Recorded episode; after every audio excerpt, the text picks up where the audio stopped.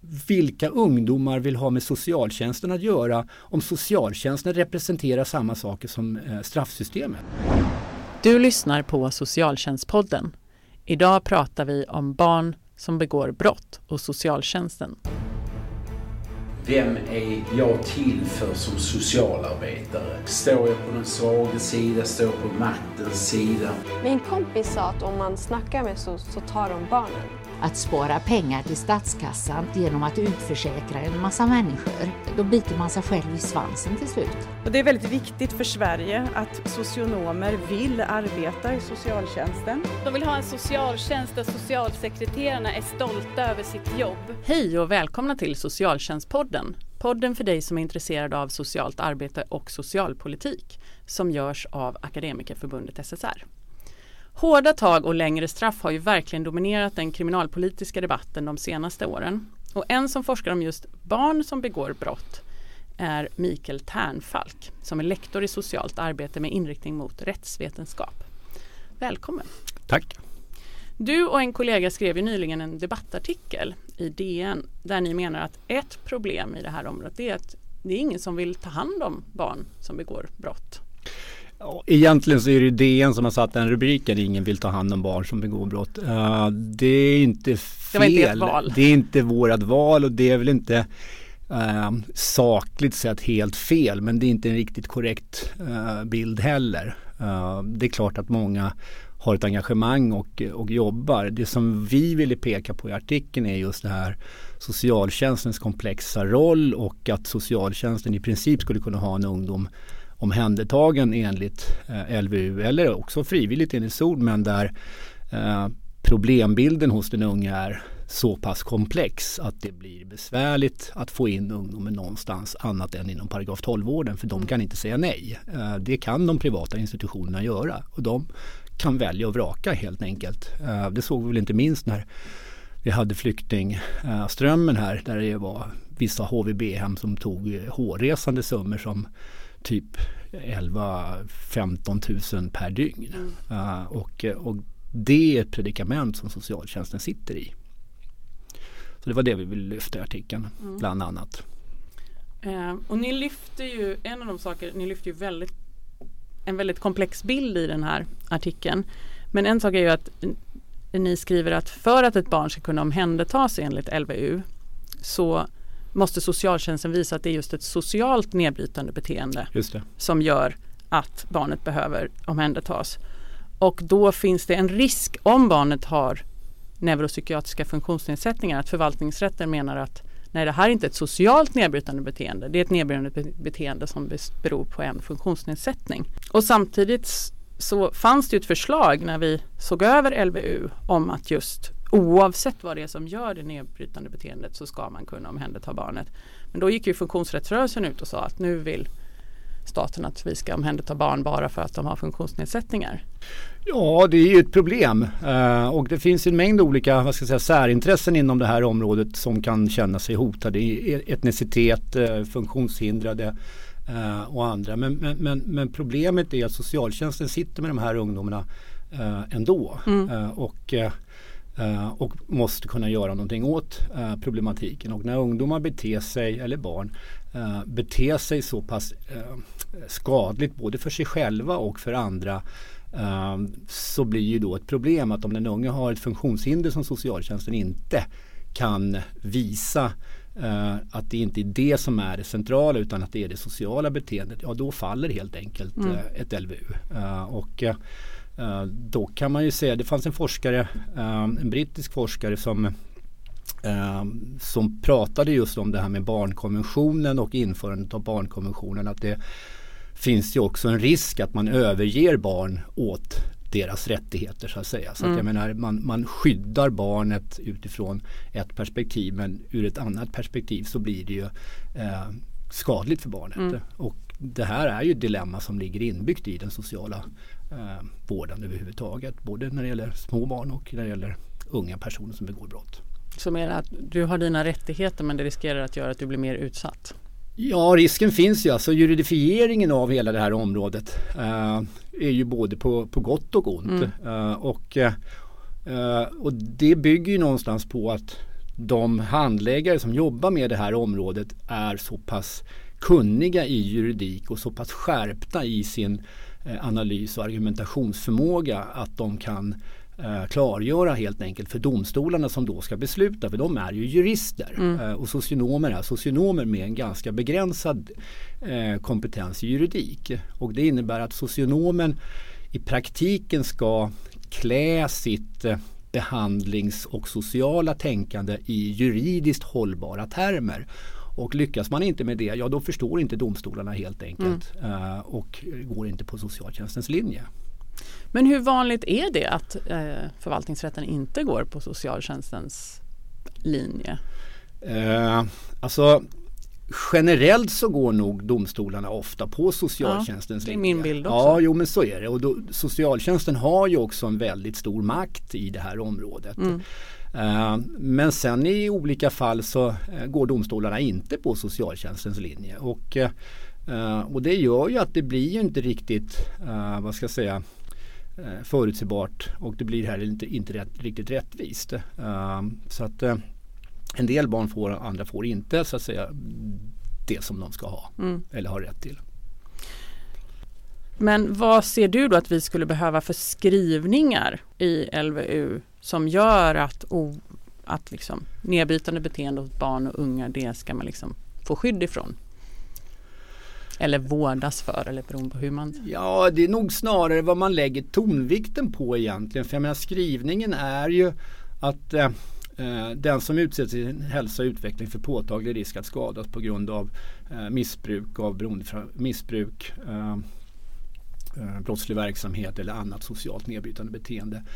Eh, det är ju fortfarande knutet till ett socialt nedbrytande Mm. beteende. Eh, och det som jag tycker är lite problematiskt är att man har fastnat i, eh, vad ska jag säga, uh, skälen, grunden för det sociala beteendet. Men, men lik förbaskat så är det ju ett socialt nedbrytande Mm. beteende. Vi människor är sociala individer. Vi beter oss, vårt beteende är liksom eh, socialt i olika miljöer. Mm. Och eh, ehm, Så det är frågan om det egentligen skulle behövas någon annan formulering.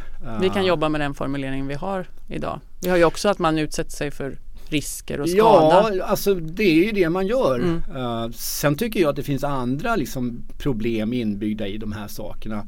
Eh, till exempel barn och unga som skär sig Mm. eh, eller som svälter sig och sådana här saker. Det är inte ett socialt beteende utan det är ett renodlat individuellt beteende som inte liksom är kopplat egentligen till någon so- social situation. Och de barnen är ju egentligen helt uteslutna ur, ur LVU. Men jag tror att mycket av LVUs problem grundar sig också i att den tillkom ju för typ 100, 100 drygt år sedan. Eh, alltså grunderna för den. Mm. Och då i den gamla barnavårdslagen som sen blev 1924 eh, och som sen skrevs om 48 och sen 1960. Den hade ju ett dubbelt syfte inbakat i sig, nämligen samhällsskydd och skydd för det enskilda barnet. Och när man sen införde socialtjänstlagen och LVU då tog man bort det här dubbla syftet och kvar fanns bara den unges vårdbehov. Eh, och eh, samtidigt som jag tror att eh, samhället har inte frånhänt sig eh, samhällsskyddsaspekten fast den talar vi inte om Nej. helt enkelt. Eh, och där får vi ytterligare eh, komplikationer helt enkelt i tolkning och tillämpningen av LVU. Men ni, eller du anser ju också att SOL behöver förtydligas när det gäller unga lagöverträdare. För jag tänker att socialtjänstlagen ligger ju hela tiden där med sin liksom frivillighet. Det är så långt det är möjligt frivillighet finns det grund för tvång. Och där tänker jag att där sitter ju socialtjänsten hela tiden med är det tillräckligt? Vill inte ungdomen, vill inte föräldrarna, är det tillräckligt för tvång? Ehm, eller inte? Ja, så problemet, jag, är- jag tror inte att vi lyfter egentligen sol som specifikt problem. Eh, sol kan man väl säga är så pass eh, Alltså det är en frivillig lagstiftning och eh, det finns ju egentligen inga hinder för vad socialtjänsten kan erbjuda människor inom ramen för SOL. Det, problemet där är väl snarare ekonomiskt eh, eh, och vad ska jag säga, knutenheten till, till eh, vad cheferna går med på. Vad mellanchefer, högre chefer, politiker, framförallt nämnden då. Mm.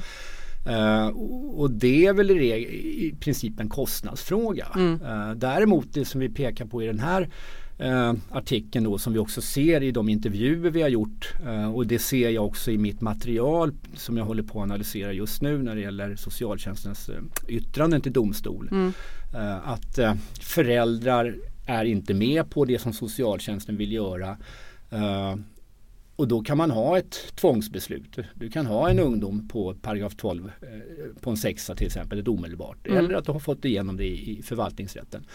Eh, men det är ju bara egentligen ett, ett maktinstitut för att bromsa upp någonting och eh, sätta någon någonstans där du har en plats. Mm. Om den platsen sen är liksom eh, adekvat utifrån den här ungdomens behov eller inte det finns ingen garanti för det. Eh, socialtjänsten står ju inte i det läget att de har en massa egna behandlingshem och massa egna ställen som de kan välja och vraka mellan. Nej. Utan de får helt enkelt välja det som finns. Eh, och det visar sig också i de här intervjuerna.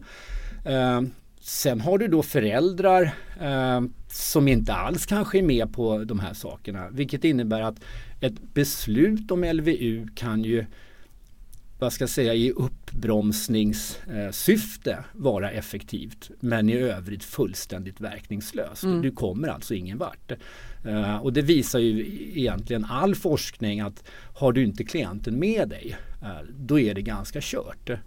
Uh, personligen när jag jobbade som socialsekreterare så väntade jag ganska länge innan jag tog ett LVU med ibland risk att få eh, jävligt mycket skit om så att säga, det skulle hända någonting under tiden. Men jag var, värdesatte möjligheten till eh, att få med mig föräldrar och ungdom i det som så att säga vi skulle göra tillsammans eh, för att sen kunna liksom släppa på ett LVU. För ett LVU är ju egentligen bara ett instrument för att stoppa någonting, ge möjlighet till någonting annat. Sen är det ju inte lagen i sig som ger dig framgång eller motgång i, i ett behandlingsarbete utan det är din förmåga som socialarbetare och de möjligheter som du har eh, att samverka med mm. till exempel institu- eller samarbeta med när det gäller institutioner, eh, kontaktpersoner mm. eller vad det är, familjehem eller vad det nu är för någonting. Så att LVU i sig eh, det är bara ett redskap i din verktygslåda. Mm. Uh, så att uh, det och där så måste man ju då titta tycker jag på hela socialtjänstens situation egentligen i vad de sitter med. Uh, inte Men sen bara. har vi ju också SIS situation som också är Ja. ja som också har sina utmaningar ja. där vi också pratar resursbrist och platsbrist och kompetensbrist. Ja. Och, och SIS försökte ju för ett antal år sedan att, eh, att um, få utbildad personal, alltså socionomer. Problemet är att du får ingen socionomer som vill jobba med de här sakerna, alltså i behandlingsarbete på avdelningar. Dels för att det det kanske inte har så hög status. Mm. Uh, sen är det ju så att uh, det är en oerhört uh, svårarbetad grupp. Uh, det är inga dunungar som sitter på den här institutionen Nej. och som personal så kan du vara tämligen utsatt av de här ungdomarna. så att det är en mycket komplicerad situation. Och sen om du tänker att du har eh, lagstiftningen gör ju så att eh, vi kan, vi kan likna det vid eh, två separerade föräldrar som mm. har ett gemensamt barn. Där föräldrarna har olika uppfattningar om eh, vad ska vi nu göra med vår son eller dotter på samma sätt som du har problem inom civilrättsområdet med eh, föräldrabalken och föräldrar som vill olika saker kring sina barn och sådana saker vilket gör att det blir varken hackat eller malet mm. många gånger. Det blir konflikter kring ekonomi eller vad det nu är för någonting. Eh, samma, du kan överföra det till, till det här området.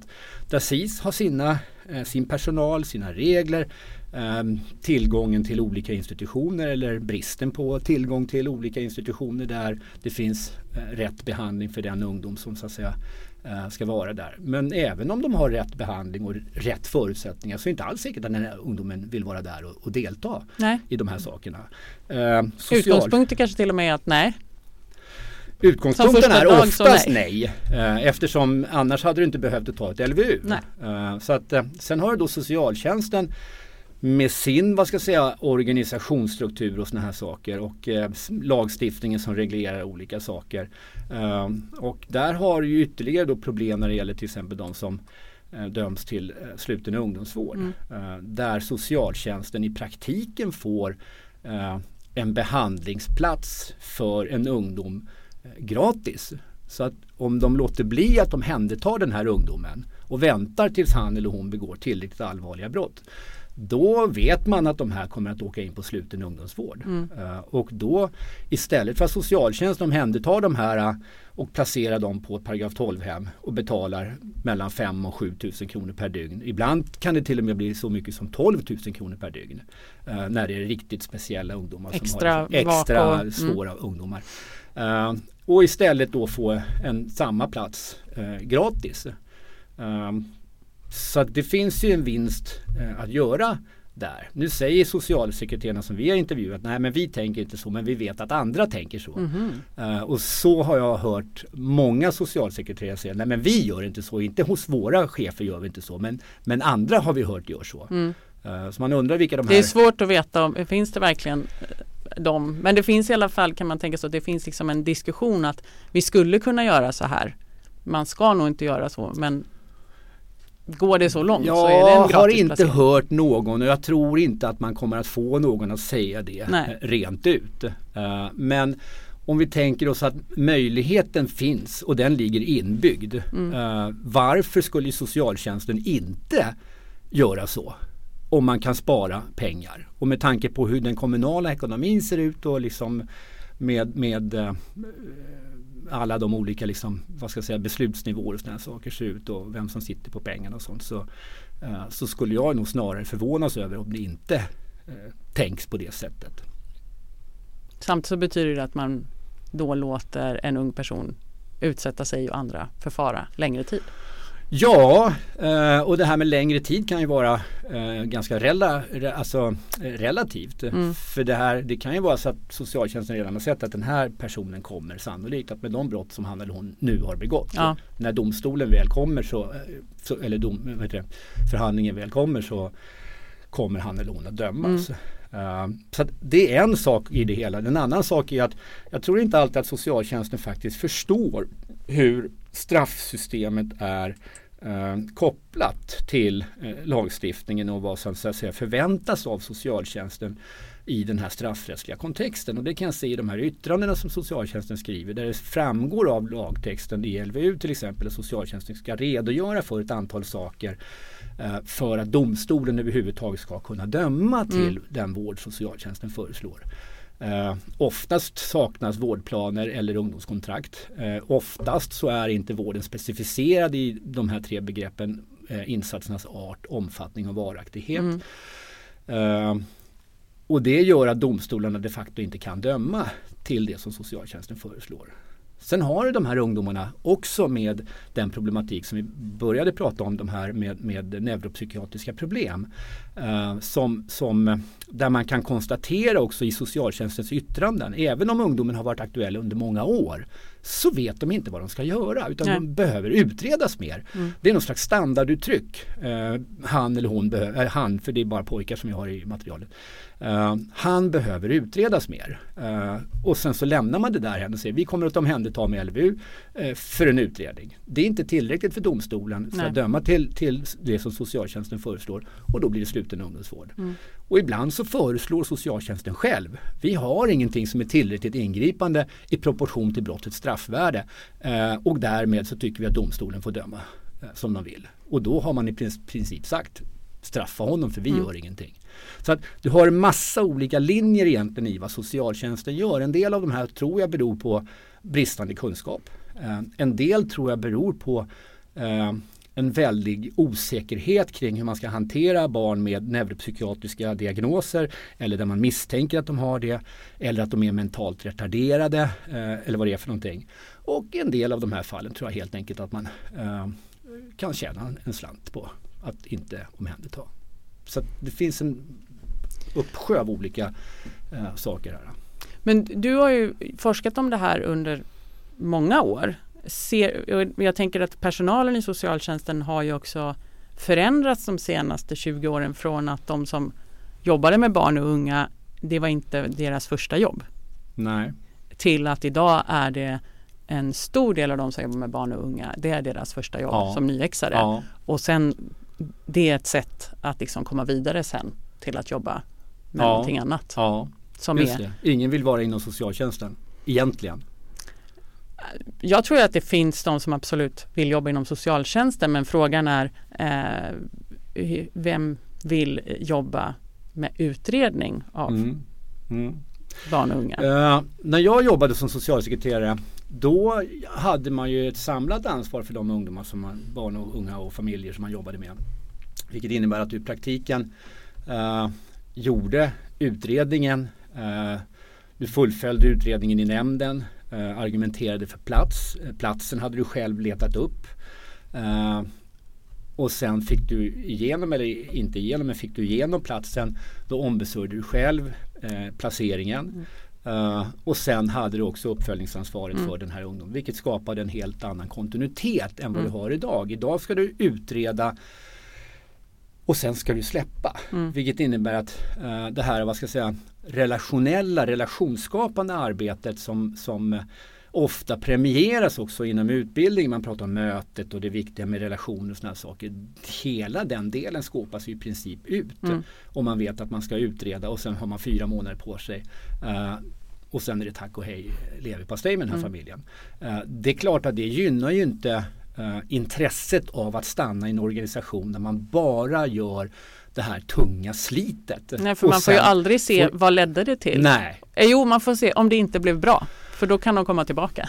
ja, utredning. ett antal gånger och Ja. sen, eh, och sen eh, blir de för gamla för eh, ungdomsgruppen och då Mm. är det vuxengruppen. Så att jag menar, så att hela socialtjänstens sektorisering om man säger, alltså uppdelning i, i de här olika liksom, utredning och utförarsystem och sådana här saker tycker jag är en ganska idiotisk konstruktion. Det Mm. kanske passar någon idé utifrån sådana här eh, New Public Management eh, teorier kanske men, men det passar inte med människobehandlande eh, behandlande arbete särskilt väl. Och när man pratar med brukare så är de ofta väldigt så här, varför ska vi träffa så mycket folk? Ja visst, det förstår jag. Det, För dessutom är det personalomsättning så under utredning kan man ju ha flera. Och jag tycker synd om socialsekreterare som kommer ut och ska börja jobba liksom och få de här sakerna. Mm. Så, att, eh, så att jag, jag förstår att det inte är särskilt attraktivt. Eh, Men du har ju gjort en intervjustudie med socialsekreterare som har som har lång erfarenhet Ja. av att jobba med unga lagöverträdare. Och vad visar den studien? Den visar bland annat det som vi är inne på. Eh, att eh, det finns ett eh, eh, det finns ett stort engagemang eh, hos socialsekreterare. Eh, de vill eh, sina unga eh, väl eh, och, och försöker med de eh, medel och metoder som de har tillgång till. Men eh, de sitter också i ett system som de har eh, ska säga, svårt att påverka alla delar i. Och eh, det gör ju också att de här socialsekreterarna eh, vi kan ta en ungdom till exempel som en socialsekreterare som två stycken beskrev och jobbade med. Eh, en mycket kriminell eh, ungdom eh, med väldigt svåra eh, hemförhållanden. Föräldrar som tyckte att det var bättre med straff än vård. Mm. Eh, och som inte ville medverka på något sätt i den vård. Socialtjänsten hade honom omhändertagen eh, och skrev ett yttrande till domstolen och förespråkade då Eh, att han skulle få, eh, att vården kunde bedrivas med, eh, med stöd av LVU. Eh, Men killen själv säger att han vill inte ha den vården och då tyckte inte domstolen att eh, det var värt att, att döma till eh, det som socialtjänsten hade föreslagit och dömde honom till sluten ungdomsvård. Eh, nu kan man ju då säga att eh, det här tycker jag är ju en missbedömning egentligen av socialsekreterarna i den situationen. Därför att eh, när jag jobbade så var jag alltid med i domstolen Mm. eh, för de ungdomar som jag skrivit yttrande för. Därför att det dyker alltid upp frågor. Ung, ungdomar är liksom, ja, de är väl inte riktigt stabila kan man säga i sina, liksom, sin hållning och sådana saker. Det är mycket som kan hända på vägen från liksom, punkt A till punkt Mm. B. Ehm, så därför var jag alltid med i domstolen och kunde svara på frågor och kunde argumentera för de saker som jag hade föreslagit i mina yttranden och sådana saker. Ehm, det har jag förstått är inte särskilt vanligt. Ehm, utan man skriver ett yttrande så skickar man det till åklagaren som sen skickar det till domstolen och sen ligger det till, till grund för domstolens då, bedömning av vad socialtjänsten kommer att göra. Och då har man ju frånhänt sig möjligheten att vara där, svara på frågor, argumentera. Mm. Men det här gäller saker. ungdomar som har begått brott? Och där... Ja, just ja. det. Just det. Så att, eh, och jag tycker absolut att man också ska vara med på förhör och sådana här saker eh, som socialarbetare för man får en väldigt liksom, eh, stark inblick. Men vad jag förstår så har de inte tid helt enkelt. Mm. Det är väldigt det är en väldigt hög arbetsbelastning vilket gör att som en socialsekreterare sa Ja, vi försöker att göra de här eh, bra analyserna. Vi försöker att göra våra bedömningar. Vi försöker att liksom tänka utifrån vad forskning säger och sådana här saker. Men man har tusen andra ärenden som man hinner inte. Vilket innebär i praktiken att man får ta det man får helt mm. enkelt som socialsekreterare. Så att jag tycker ju att man måste titta på socialtjänstens roll överhuvudtaget. Alltså i, i alla avseenden. Juridiskt, ekonomiskt, organisatoriskt. För att få se vad som så att säga socialtjänsten uh, ska få för hjälp att göra det jobbet de behöver göra. Men samtidigt så har vi ju det här med att man ska bedöma forskning så är det ju också det är inte helt lätt för att straff är ju, är ju att sitta inlåst vet vi, det är ju egentligen inte bra för människor. Institutioner har oftast inte några lysande resultat. Ehm, det finns jämförande studier som visar att de barnen som, inte, som lever i socialt utsatta miljöer men inte blir omhändertagna, mm. det går bättre för dem. Mm. Sen vet vi inte vad fanns det för annat som gör att de inte blev omhändertagna. Men det är ju också det att som, som socialsekreterare så sitter man ju ändå också med att ja, barn ska inte få utsätta sig för att begå brott och eh, gå på droger och eh, skada sig. Och samtidigt så vet vi att det som vi har att sätta in eh, det är inte så att vi har så här, det här vet vi kommer göra att den här ungdomen kommer bättre ut. Nej. Om man ska använda kriminalvårdens eh, eh, Så det är ju svårt. Man kan ju säga att eh, forskningsläget är ju i sig eh, ganska, vad ska jag säga, eh, komplicerat. Men man kan, inte, man kan inte diskutera forskningsläget utan att titta på eh, vilken grupp unga personer är det vi egentligen vi pratar om. Man mm. måste ju också gruppera de ungdomarna. Och då finns det i grova drag, vad ska jag säga, tre grupper. Alltså den gruppen som är riktigt grovt kriminell eh, som begår väldigt många väldigt allvarliga brott. Mm. Uh, som är en ganska liten grupp. Mm. Men, men många av de ungarna, uh, ungdomarna uh, har ju farit väldigt illa under ganska lång tid. Mm. sen har vi en grupp, vi säger att den här gruppen kanske är någon procent av ungdomarna i en liksom kohort. Sen har du då en grupp som kanske är som är lite större som finns utanför de här som är på väg in. Ja men hangarounds, alltså på väg in som har börjat att begå en hel del brott och sådana här saker men som inte är riktigt liksom uh, där ännu. En del av dem kanske man kan nå, andra kanske man inte kan nå. Det beror ju också på hur, vad ska jag säga, hur, hur, hur skadade de är rent psykologiskt, socialt uh, och sådana saker. Och sen har det liksom den större gruppen svansen runt omkring som um, som finns och som begår lite brott och såna här saker men som står och velar lite grann. De har både schyssta kompisar och liksom mm. eh, brottsliga kompisar och såna här saker. Så, I många olika löst sammansatta gäng. Den här diskussionen då kring forskning, vad, vad vi ska göra, den brukar ju föras på ganska generella termer. Mm. Det ungefär som att den gäller alla barn och unga. Men, men det gör den ju inte utan det finns forskning som visar att ja, behandling fungerar faktiskt. Uh, men vi har inte särskilt mycket som fungerar för den här eh, väldigt kriminella gruppen. Mm. Uh, för där är det inte bara behandling, det är sån multi-multi uh, problemsituation för de unga personerna. Du har dessutom de med neuropsykiatriska problem och sådana saker också vilket innebär att det, liksom, det spetsar ju till problematiken. Mental retardation ytterligare och sådana saker. Så att forskningsläget kan man säga generellt säger att det finns behandling men inte så himla mycket. Mm. Uh, Eh, så att vi har inte så här liksom jättemycket så att ja, men behandling funkar liksom jättebra. Utan det finns en del som funkar, annat inte. Eh, straff sägs inte funka. Eh, så att vi har ju inte någon lysande valsituation egentligen. Uh, sen har du ju en del metoder, vi har ju hämtat massa saker från, från USA främst. Och, och de metoderna är ju diskutabla. det finns forskning som visar att det här med art mm. är, är bra. Det finns forskning som visar att ja, det är inte så himla bra. så att forskningsläget i sig då när det gäller behandling är ju också lite dualistiskt om man säger.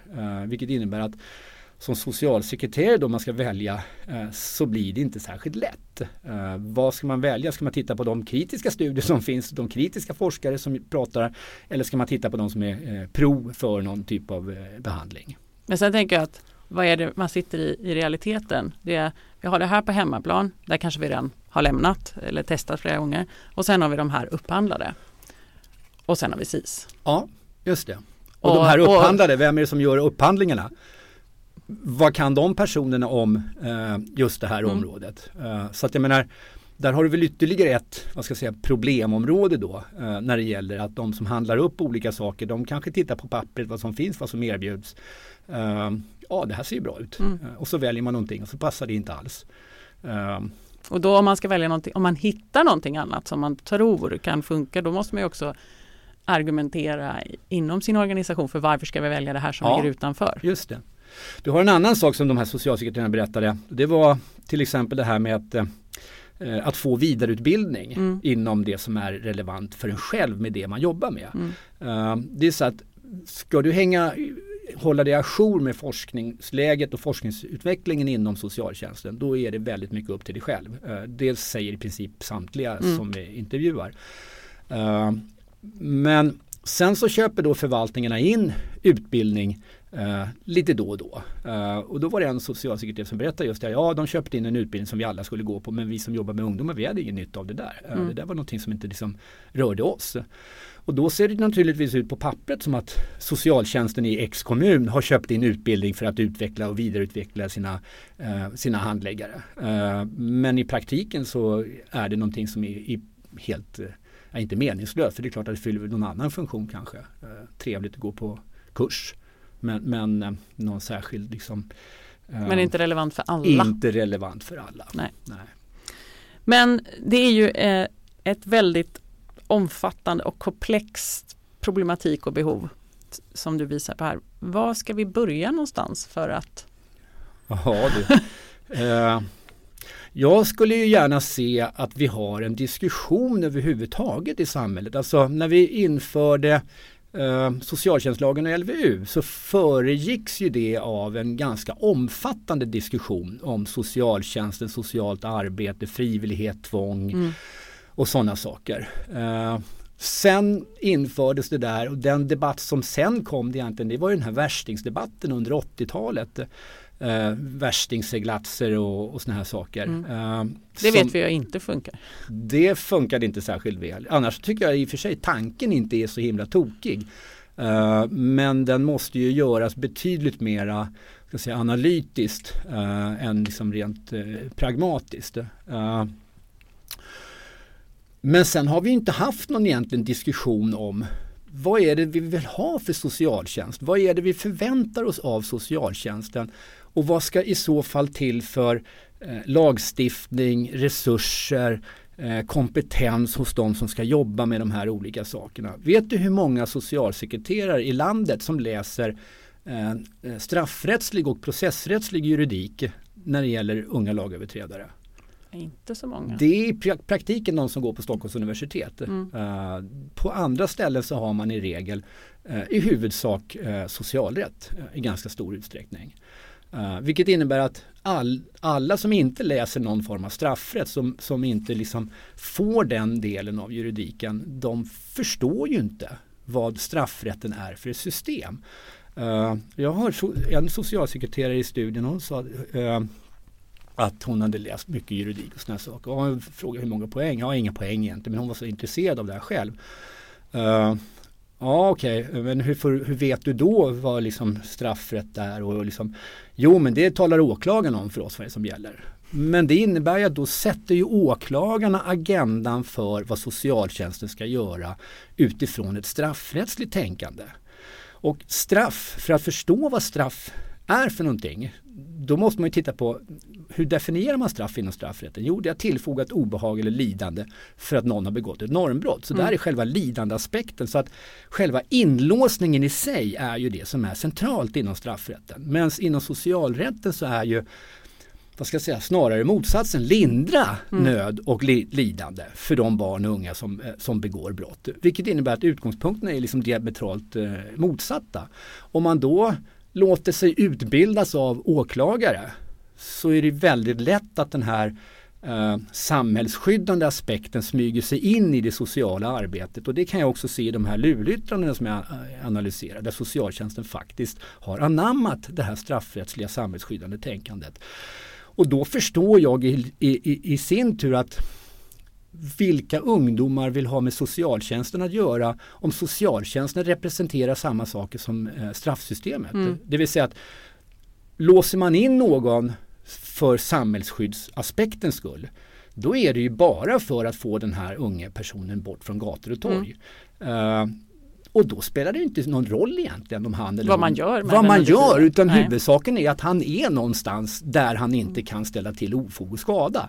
Men då har vi glidit i det sociala arbetets grunder från att straffa eller från att vårda och behandla för den unges, utifrån den unges behov mm. och för den unges bästa till att skydda samhället från den här unge personen.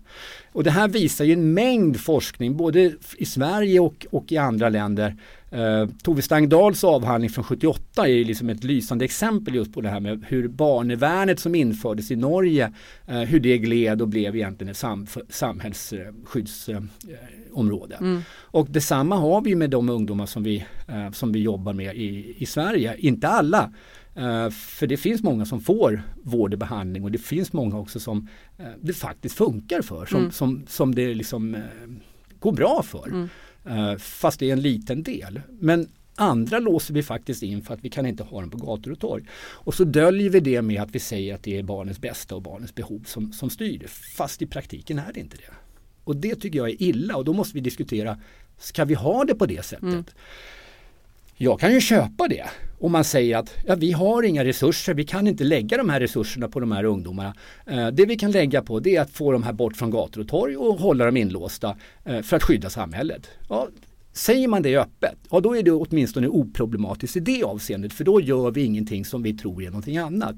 Men det vi gör idag det är att vi låser in de här ungarna i namn av barnets behov och barnets bästa. Fast i praktiken så är det samhällsskydd. Och det tycker jag är illa för då, då döljer vi någonting i systemet som jag inte tycker är um, riktigt hederligt. Men det måste ju också handla om dels vad Alltså dels är det ju, jag tänker inom, i socialtjänstens uppdrag så är det ju väldigt tydligt att det inte är att vi ska låsa in barn och unga. Men sen handlar det ju om vad gör vi, och i SIS uppdrag är det ju inte heller att vi bara ska låsa in Nej. barn och unga. Nej. Um, så, så rent i uppdragen som ligger och inte i kriminalvårdens uppdrag ligger det ju inte heller Nej. att man bara ska låsa Nej, in. Utan vi, man bra, ska ju... vi är bra på att låtsas i det här landet. Ja. ja. Um, men utan man har ju faktiskt uppdraget att man ska minska sannolikheten att barn och vuxna begår brott igen. Ja, just det. Så, så då är, väl, är ju egentligen om vi ska fortsätta ha de uppdragen, vad krävs det för resurser för att det verkligen ska ske? Då? Ja, och det är liksom, då får man ju titta på, det är det jag menar, då skulle jag vilja ha en samhällsdebatt kring vad socialtjänsten ska ha för uppdrag. Vilket, mm. Alltså ska de vara en samhällsskyddande eh, instans, det vill säga ska vi gå tillbaka till den lagstiftning som fanns före SOL och LVU? Det vill gamla barnavårdslagens tid, uh, att vi har både samhällsskydd och uh, den unges vårdbehov mm. inskrivet uh, och utgår från det. Eller ska vi ha bara vårdbehov eller ska vi ha samhällsskydd? det är liksom en diskussion som jag tror vi skulle behöva och må, faktiskt också må bra av. Jag tror att många socialarbetare skulle också må bra av att se hur det här egentligen ser ut. De sitter ju fast väldigt mycket i sin egen säga, ambition och vilja att göra någonting eh, på gräsrotsnivå och jag tror inte alltid att de ser de här olika sakerna eller kanske får det artikulerat så mm. tydligt. Men avslutningsvis då, tror du att vi, för det tänker jag är också en politisk debatt.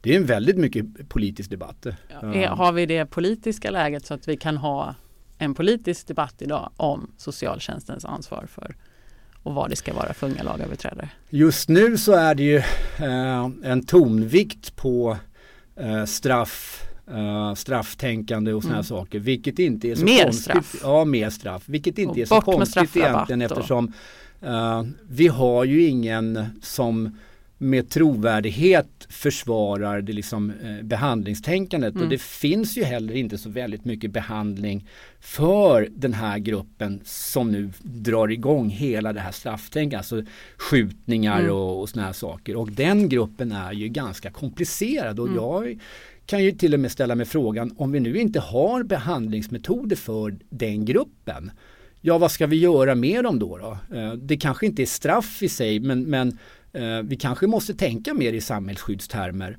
eh, om vi inte har någonting annat att tillsätta. Eller så får vi tillsätta de resurser eh, som behövs för ett riktigt behandlingsarbete liksom, inom, inom socialtjänsten och inom SIS-vården eller behandlingsvården överhuvudtaget.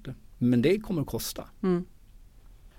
Tack så jättemycket Mikael. Det känns som att det här är en diskussion som man skulle kunna fortsätta med i, i många poddar och många samtal. Um, men vi stannar med den för idag.